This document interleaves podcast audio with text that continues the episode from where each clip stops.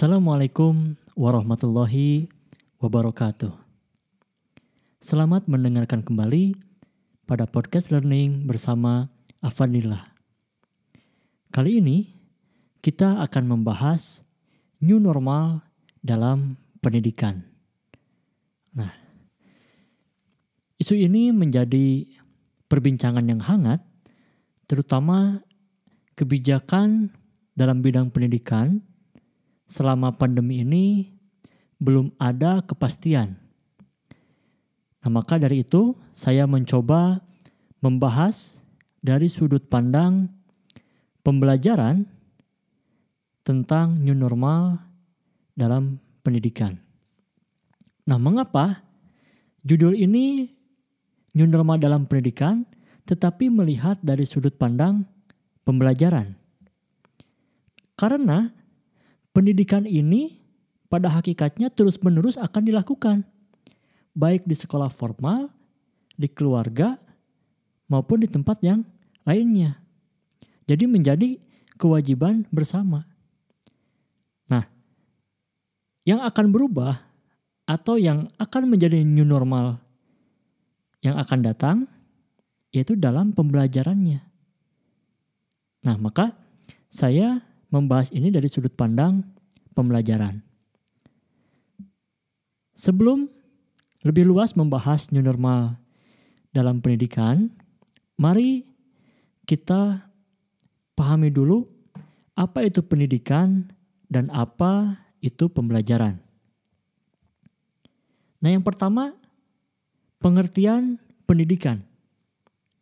Pendidikan adalah usaha sadar dan terencana untuk mewujudkan suasana belajar dan proses pembelajaran agar peserta didik secara aktif mengembangkan potensi dirinya untuk memiliki kekuatan spiritual keagamaan, pengendalian diri, kepribadian, kecerdasan, akhlak mulia, serta keterampilan yang diperlukan dirinya dalam masyarakat, bangsa, dan negara. Nah itu arti dari pendidikan. Jadi masalah pendidikan ini sangat luas jika kita bahas. Namun ada tiga unsur pertama yang ada dalam pendidikan. Yang pertama adalah usaha sadar dan terencana. Nah, perlu diketahui bersama bahwa pendidikan ini merupakan usaha sadar untuk semua orang. Di mana kita sebagai manusia ya diwariskan ilmu ya kemudian kita sebagai manusia harus mencari ilmu sampai akhir hayatnya. Itulah pendidikan ya akan berakhir ketika di liang lahat ya di kuburan. Nah maka yang pertama kita harus menjadi aware terhadap pendidikan ini jadi pendidikan bukan hanya perhatian pemerintah, perhatian lembaga pendidikan, tetapi semua elemen yang ada dalam pendidikan, baik itu masyarakat, siswa, guru, orang tua, stakeholder, dan lain sebagainya, ini harus sadar pentingnya pendidikan untuk kemajuan peradaban bangsa. Nah kemudian terencana. Jadi pendidikan ini harus direncanakan semaksimal mungkin sematang mungkin ya disusun berdasarkan tujuan masing-masing. Kita sebagai warga negara Indonesia memiliki tujuan ya tujuan pendidikan nasional.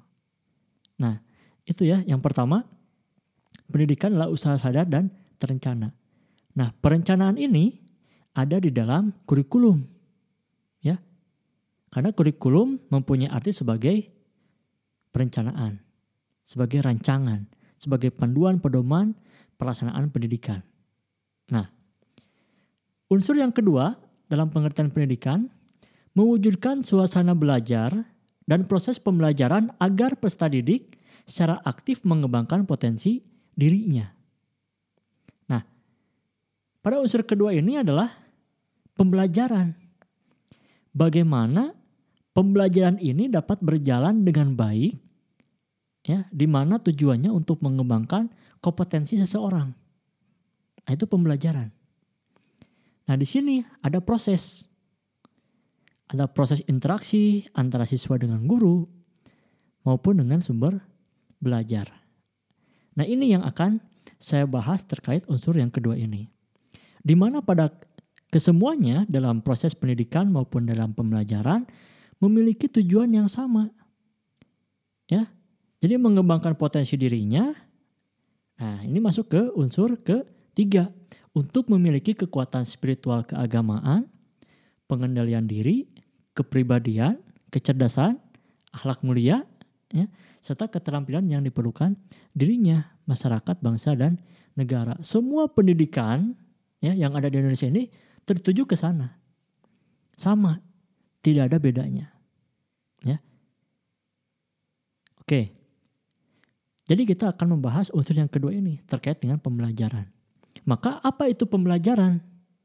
Nah, pembelajaran adalah proses interaksi siswa dengan guru dan sumber belajar pada suatu lingkungan belajar.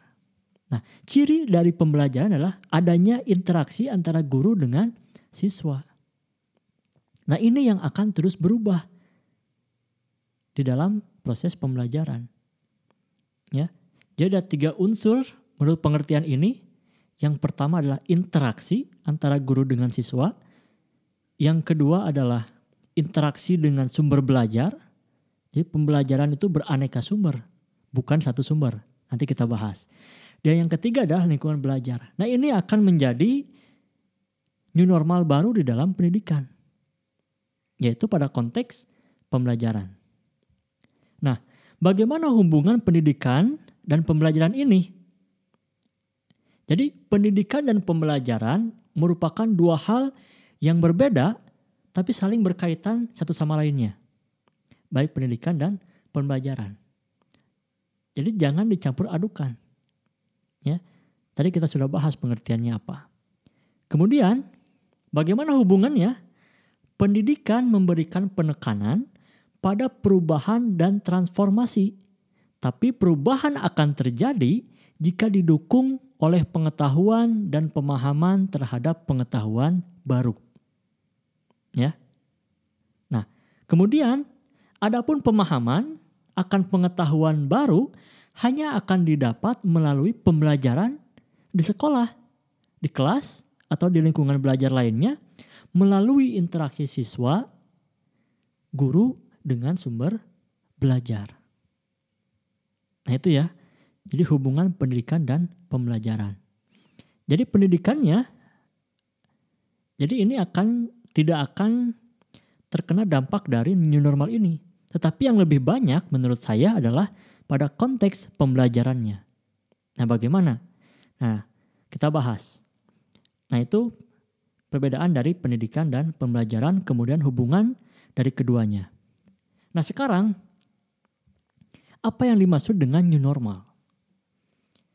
Jadi kalau kita searching ya di Google, kemudian saya mendapatkan ini dari berita ya bahwa Definisi new normal menurut pemerintah Indonesia adalah tatanan baru untuk beradaptasi dengan COVID-19.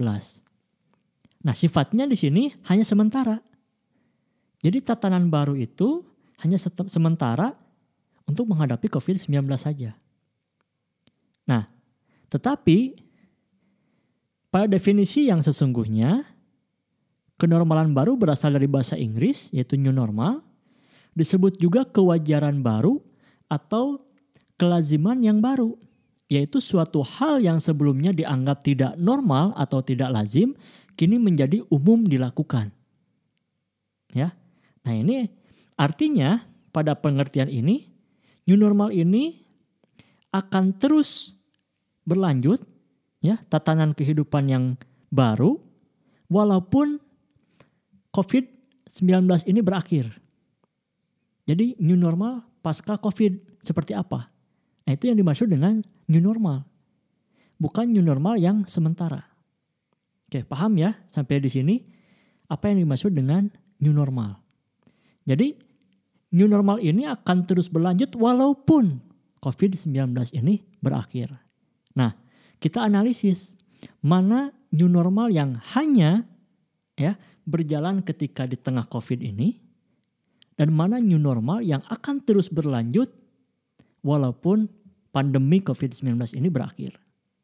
Nah, kemudian pertanyaannya, apa yang dimaksud dengan new normal dalam pendidikan? Nah, mari sekarang kita membahas pada topik inti pada podcast ini. New normal dalam pendidikan. Sebenarnya, new normal dalam pendidikan tidak akan banyak berubah karena hakikatnya pendidikan itu berlangsung sepanjang hayat. Tetapi yang banyak berubah menjadi kenormalan baru adalah dalam pembelajaran.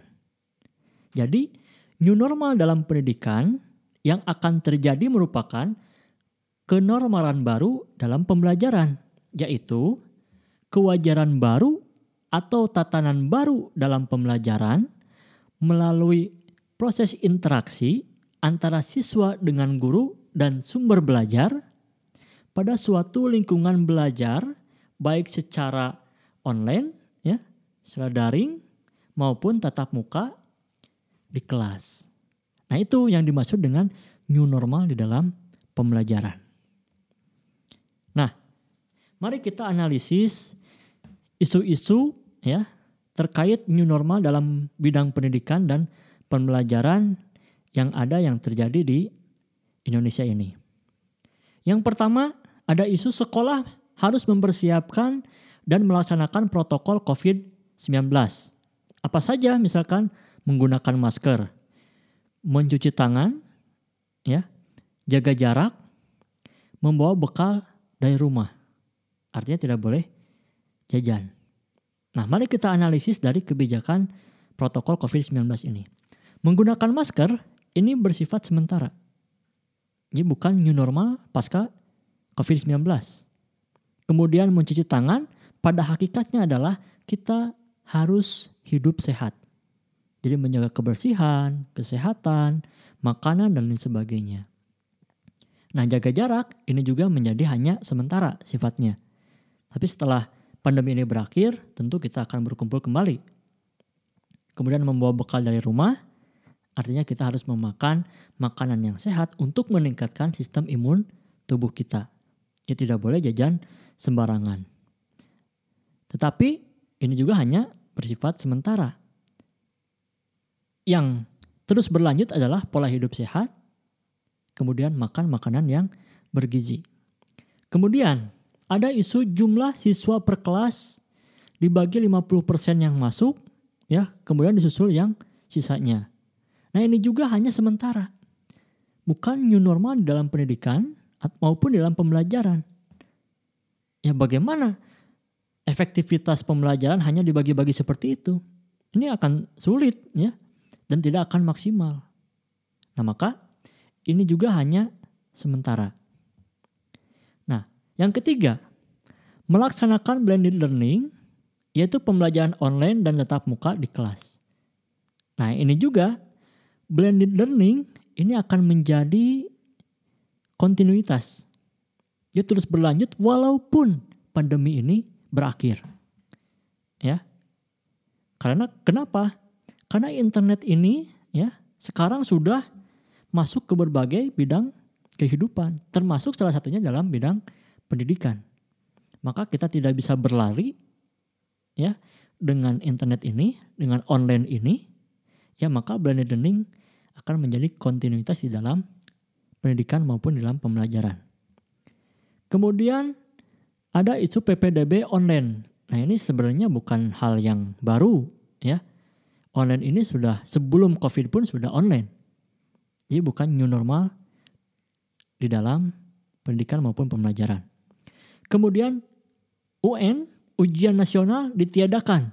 Lulus dengan jalur COVID-19. Nah ini juga nggak jelas. ya nggak jelas. Perlu diketahui bahwa kurikulum kita belum ada takarannya sampai mana. Berhasil atau tidak. Itu belum belum ada data yang jelas. Evaluasi kurikulumnya belum jelas. Ya. Nah, Lalu sekarang UN ditiadakan. Bagaimana asesmennya? Memang paradigma UN yang dimaksud oleh Mas Menteri Nadiem Makarim ini ya UN ditiadakan mengapa? Karena orientasinya keluar dari tujuan pendidikan. Seharusnya UN ini sebagai evaluasi ya untuk mengukur sejauh mana tujuan tercapai atau mengukur kualitas pendidikan. Nah, tetapi tidak bisa disamaratakan disamaratakan maksudnya. Ya. Nah, ini panjang.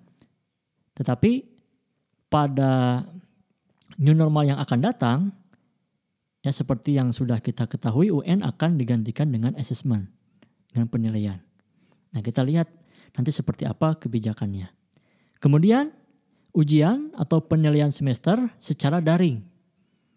Nah, ini juga menjadi new normal dalam pendidikan tapi tidak semuanya menggunakan online.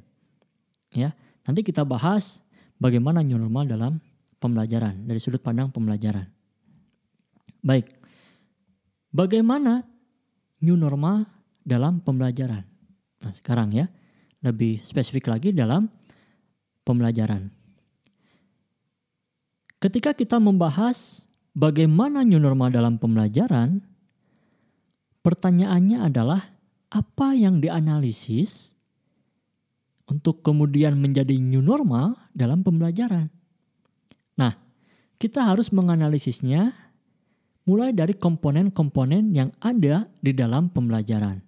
Maka saya akan membahas new normal dalam pembelajaran ini ya, mulai dari komponen-komponen pembelajaran yaitu kewajaran baru guru, siswa, kemudian dalam tujuan pembelajaran, materi pembelajaran, metode pembelajaran, media pembelajaran, dan evaluasi pembelajaran.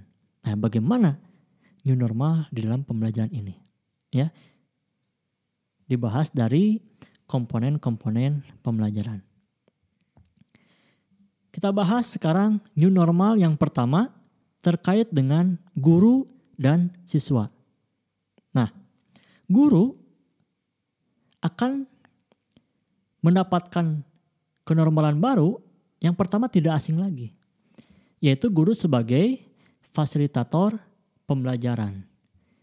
Jadi bu guru bukan lagi apa namanya sebagai orang ya sumber satu-satunya orang yang menjadi memberikan informasi kepada siswa, tetapi lebih dari itu. Jadi guru sebagai fasilitator pembelajaran. Bagaimana menjadi guru sebagai fasilitator itu. Nah, yang pertama guru itu harus menjadi mitra siswa. Jadi harus teman sebaya dengan siswa. Nah ini, mengapa? Karena siswa akan lebih memahami, lebih nyaman ketika dengan teman sebayanya. Jadi kita harus masuk ke dunia siswa. Ya. Kemudian fasilitator ya guru sebagai fasilitator yang kedua jadi guru harus bisa mengaitkan apa yang dipelajari dengan pengalaman nyata di dalam kehidupan sehari-hari ya kemudian harus terciptanya kebersamaan kita harus sama-sama senang bareng belajar bareng dengan siswa ya kemudian berpartisipasi aktif kemudian manfaat jadi materi yang disampaikan harus bermanfaat ya dan lain sebagainya. Jadi banyak banyak banyak sekali uh, peran guru sebagai fasilitator. Kemudian guru harus sabar, harus bersahabat, ya, tidak menceramahi, tetapi guru juga harus berwibawa, menjadi contoh dan sebagainya itu guru sebagai fasilitator pembelajaran. Nah, yang kedua ya harus menguasai TIK teknologi informasi dan komunikasi. Ini menjadi permasalahan pertama ketika harus belajar di rumah. Kompetensi guru ya tidak menguasai TIK. Nah, bagaimana anak-anak yang sudah dilahirkan dengan mengenal YouTube, mengenal media sosial, mengenal internet, nah gurunya tidak menguasai itu. Nah ini terjadi kesenjangan. Jadi perlu peningkatan sumber daya manusia, ya, terutama dalam guru untuk menguasai TIK. Nah, saya mungkin nanti akan mencoba membuat video pembelajaran bagaimana TIK yang efektif sesuai dengan kebutuhan di zaman sekarang. Oke. Yang ketiga, kenormalan baru bagi guru, guru sebagai pengembang kurikulum. Nah, jadi Anda sebagai seorang guru ataupun siapa pun termasuk saya sendiri ya, bukan pengguna kurikulum. Oke, catat sekali lagi bukan guru, bukan pengguna kurikulum, tetapi guru sebagai pengembang kurikulum. Nah, terjadi pada hari ini hikmahnya sangat besar. Bagaimana guru-guru harus membreakdown, harus menyusun kembali kurikulum yang ada yang sesuai yang bisa dilaksanakan di rumah. Ya kan? Mencari materi-materi yang relevan, yang mudah bagi anak dan bermanfaat. Ya. Jadi guru harus sebagai pengembang kurikulum. Ya. Contoh nyatanya dalam apa? Mendesain pembelajaran sendiri. Jadi guru harus mampu membuat desain pembelajaran sendiri sesuai dengan kebutuhan dan sasaran peserta didiknya.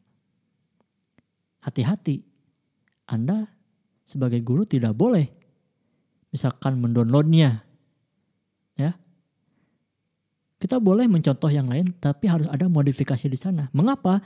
Karena sasaran kita berbeda. Ya, mungkin RPP itu yang didownload kita untuk siswa yang mana.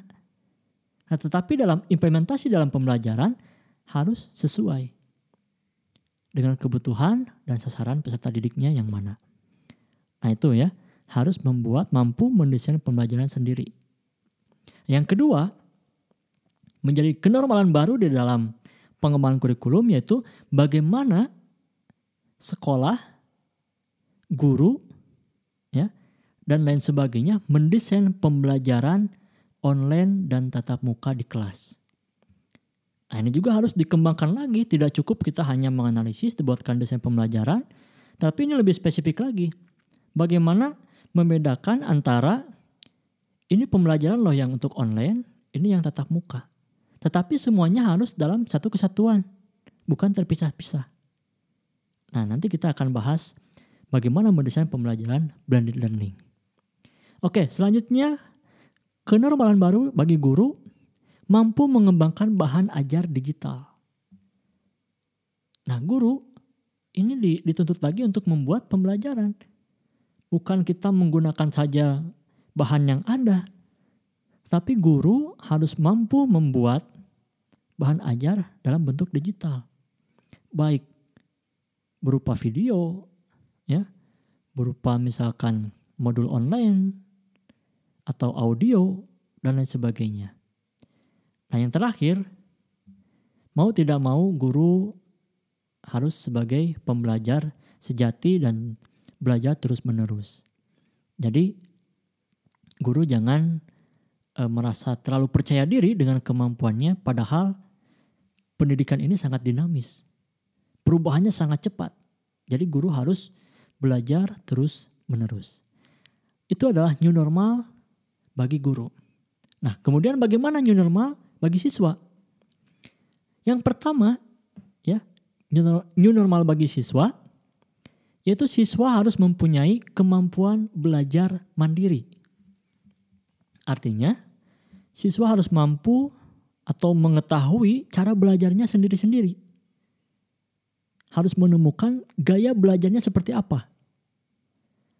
Dan kemudian belajar ini timbul dari dari dalam dirinya sendiri. Bukan karena orang tua, bukan karena di ancaman, ya, tetapi harus timbul dari motivasi dalam diri sendiri. Itu new normal yang baru. Ya.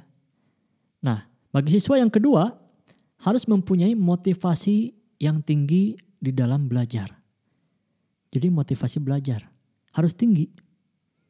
Karena ketika kita melaksanakan pembelajaran online, tidak mempunyai kemampuan belajar mandiri, tidak mempunyai motivasi, walaupun semua sistem sudah baik, tidak akan berjalan. Karena itu sebagai dasarnya. Nah, yang ketiga, ini tak kalah pentingnya, perlu kita bekerja sama untuk meningkatkan pembelajaran ini. Siswa harus memiliki kemampuan abad 21 di dalam pembelajaran. Apa saja? Kemampuan berpikir kritis, kemampuan kreatif, ya, kreativitas, kemudian kemampuan berkolaborasi, yang keempat, kemampuan komunikasi. Nah, ini adalah dasar. Dasar untuk siswa dapat belajar pada kenormalan atau kewajaran yang baru di dalam pembelajaran. Nah, itu new normal satu tentang guru dan siswa. Selanjutnya, new normal yang kedua berkaitan dengan tujuan pembelajaran. Tujuan pembelajaran ini ya, tercantum pada kompetensi dasar dalam kurikulum 2013. Nah, jadi jangan dibuat pusing ya. Tujuan pembelajaran itu yang mana?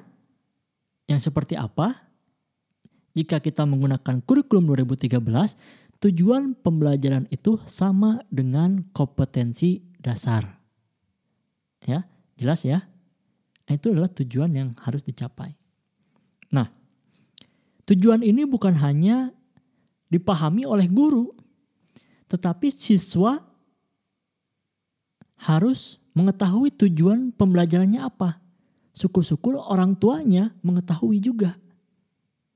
Tapi kan jarang pada kenyataannya. Apa tujuan pembelajarannya yang akan dicapai?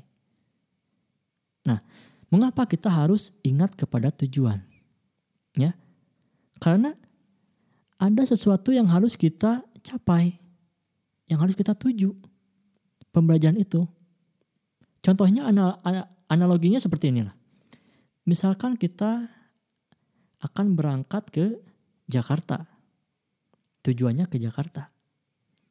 Nah, di dalam kurikulum ke Jakarta itu harus menggunakan mobil melewati jalan tol ya kemudian melewati jalan tol misalkan kalau dari Bandung ya masuk ke Pasteur ya tol Pasteur masuk ke Padalenyi masuk ke Cikampek Karawang Bekasi dan Jakarta nah tujuannya ke Jakarta ini harus dipahami untuk apa untuk kita menjadi mencari jalan baru untuk lebih cepat mencapai ke Jakarta. Mungkin ada yang menggunakan kereta lebih cepat, tidak ada macet. Ada yang menggunakan motor karena tidak tersedia materi yang lain, misalkan ya. Ada yang menggunakan pesawat lebih cepat, hanya hitungan waktu lebih cepat. Nah kita akan menggunakan yang mana? Itu pentingnya kita mengetahui tujuan. Nah tujuan ini merujuk pada taksonomi Bloom yaitu kognitif, afektif, psikomotor. Nah, silahkan ini dianalisis apa itu kognitif, afektif, psikomotor. Karena akan memudahkan kita di dalam mendesain pembelajaran yang blended learning. Ya, atau mengembangkan bahan ajar. Nah, kita harus mengetahui mana ini tujuan yang mengarah kepada kognitif, mana tujuan yang mengarah kepada afektif, mana tujuan yang lebih dominan mengarah kepada psikomotor. Nah, new normal pada tujuan pembelajaran difokuskan kepada siswa.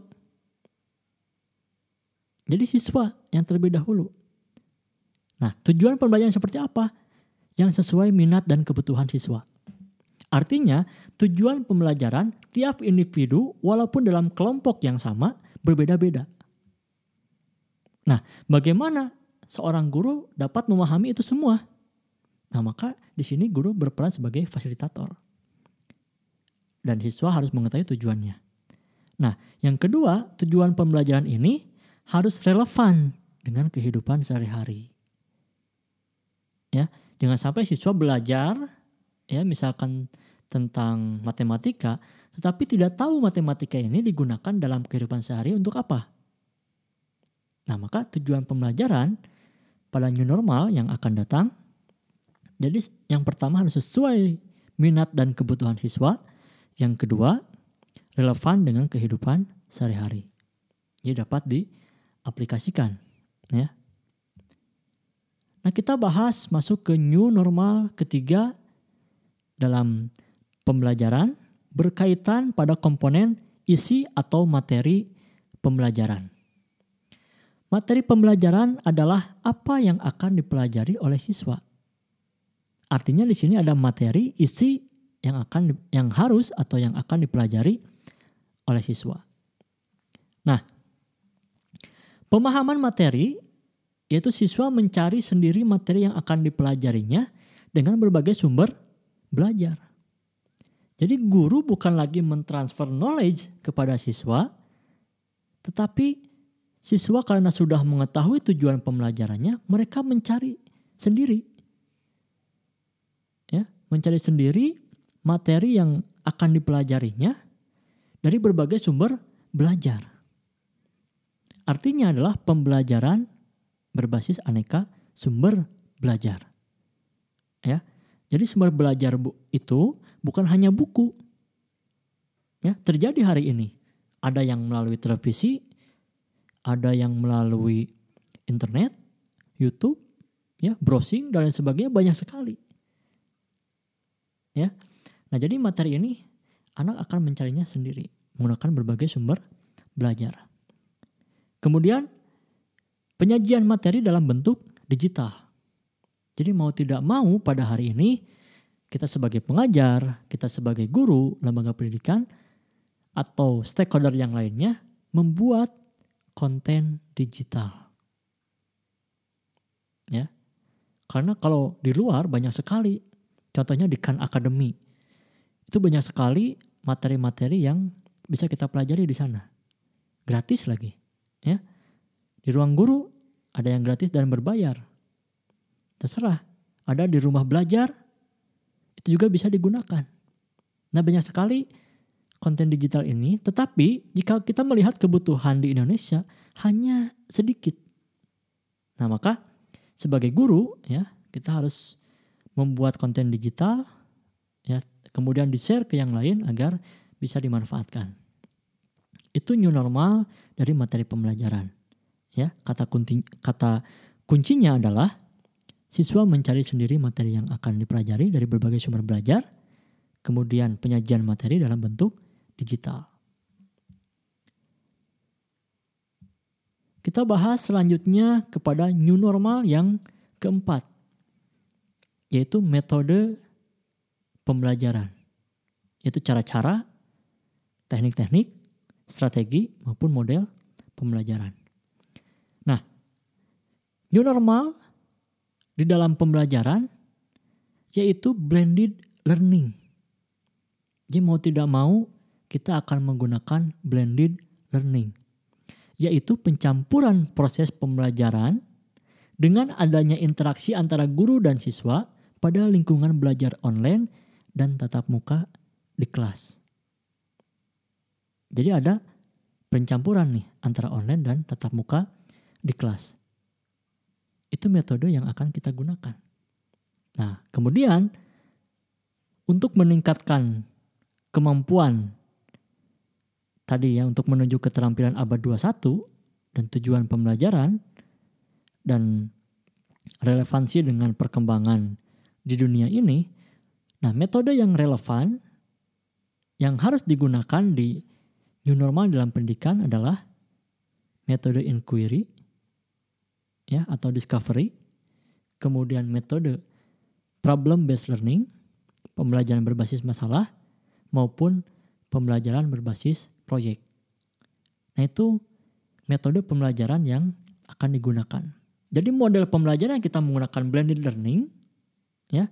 Kemudian metodenya kita menggunakan inquiry, problem dan project. Nah, itu yang yang akan menjadi new normal di dalam pembelajaran.